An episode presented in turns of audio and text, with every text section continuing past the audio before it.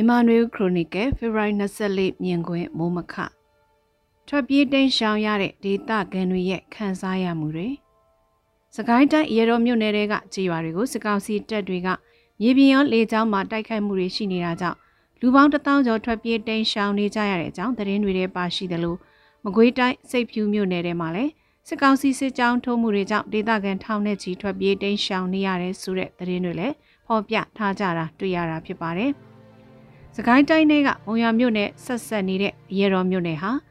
PDF လှုပ်ရှားမှုအားကောင်းတဲ့မြို့နယ်ဖြစ်ပြီးစစ်ကောင်စီနေနဲ့မုံရွာနဲ့ဆက်ဆက်နေတဲ့ရေတော်မြို့နယ်ကိုအရေးတကြီးထားပြီးလုံခြုံရေးရခြေကုပ်ယူနိုင်မှုကြိုးစားတာလည်းဖြစ်ကောင်းဖြစ်နိုင်ပါတယ်။ခုရက်ပိုင်းတွင်စစ်ကောင်စီတပ်တွေရဲ့တိုက်ခိုက်မှုတွေမှာမြေပြင်မကပဲလေကြောင်းတိုက်ခိုက်မှုတွေနဲ့ပါတွဲလျက်တိုက်ခိုက်နေတာကြောင့်ဒေသခံတထောင်ကျော်ထိတက်ရောက်ခန်းစားနေကြရပြီဖြစ်ပါတယ်။အချိန်တည်းမှာပဲမကွေးတိုင်းစိတ်ဖြူမြို့နယ်မှာလည်း စစ်ကြောင်းထိုးတာကြောင့်ကျင်းရွာခုနှစ်ရွာကဒေသခံ9000ကျော်ထွက်ပြေးတိမ်းရှောင်နေကြရတဲ့သတင်းတွေလည်းတွေ့နေရတာဖြစ်ပါတယ်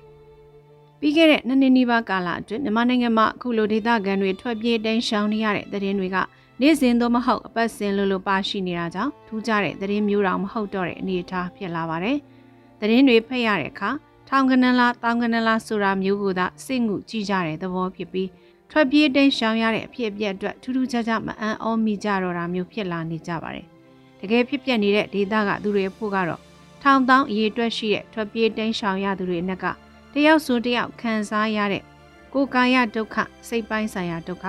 ပိုင်ဆိုင်မှုပစ္စည်းတွေဆုံးရှုံးမှုရှုထောင့်ကတက်ရောက်မှုရိတ်ခနေအိမ်အသုံးအဆောင်ဖျက်ဆီးခံရတာ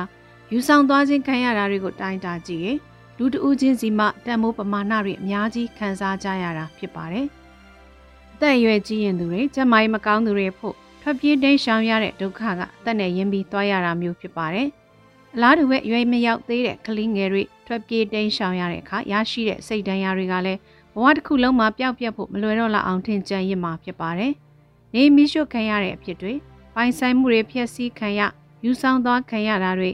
ထွက်ပြေးတိမ်းရှောင်ရစဉ်အတွင်းအသက်ဆုံးရှုံးရတဲ့အဖြစ်တွေလည်းအများအပြားရှိတာမို့စစ်ဘေးကြောင့်ထွက်ပြေးတိမ်းရှောင်ရခြင်းဟာသတင်းတွေထဲမှာဖော်ပြသလောက်ကိန်းကနန်းတက်တက်မဟုတ်ပဲဘဝတစ်ခုချင်းစီမှထိခိုက်ပျက်စီးရတာတွေနဲ့နာကျင်ခံစားရတဲ့စိတ်ဒဏ်ရာတွေနဲ့ပြည်နေတဲ့ကိန်းကနန်းတွေဖြစ်ပါတယ်။တနိုင်ငံလုံးအတိုင်းအတာရစစ်ဘေးရှောင်ဒုက္ခတဲ့အရေးအတွက်ဟာတသန်းခွဲကျော်လာနေပြီလို့ကုလသမဂ္ဂရဲ့စည်ရင်းကောက်ယူမှု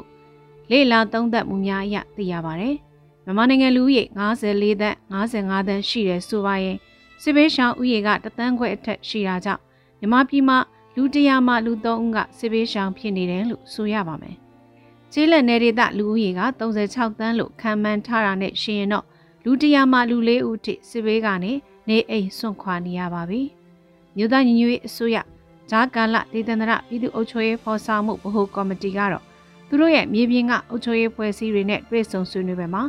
နေမြေကန်ပြည်သူတွေရဲ့အသက်အိုးအိမ်စည်းစိမ်ကာကွယ်ပေးရေးဟာဦးစားပေးဖြစ်တယ်လို့အကြိမ်ကြိမ်ပြောနေတာသတင်းတွေမှာကြားသိနေရပါတယ်။စစ်ကောင်စီရဲ့စေအုပ်ချုပ်ရေးကြီးညာခံထားရတဲ့မြို့နယ်တွေတိုးပွားလာတဲ့အမျှဒေသကပြည်သူတွေအတွက်အသက်အိုးအိမ်စည်းစိမ်လုံခြုံရေးကာကွယ်ပေးရေးဟာအကြမ်းဖက်ချင်းကြောက်ခံရမှုများတိုးပွားလာတဲ့အောက်မှာအရေးတကြီးလိုအပ်နေပြီဖြစ်ပါတယ်ရှင်။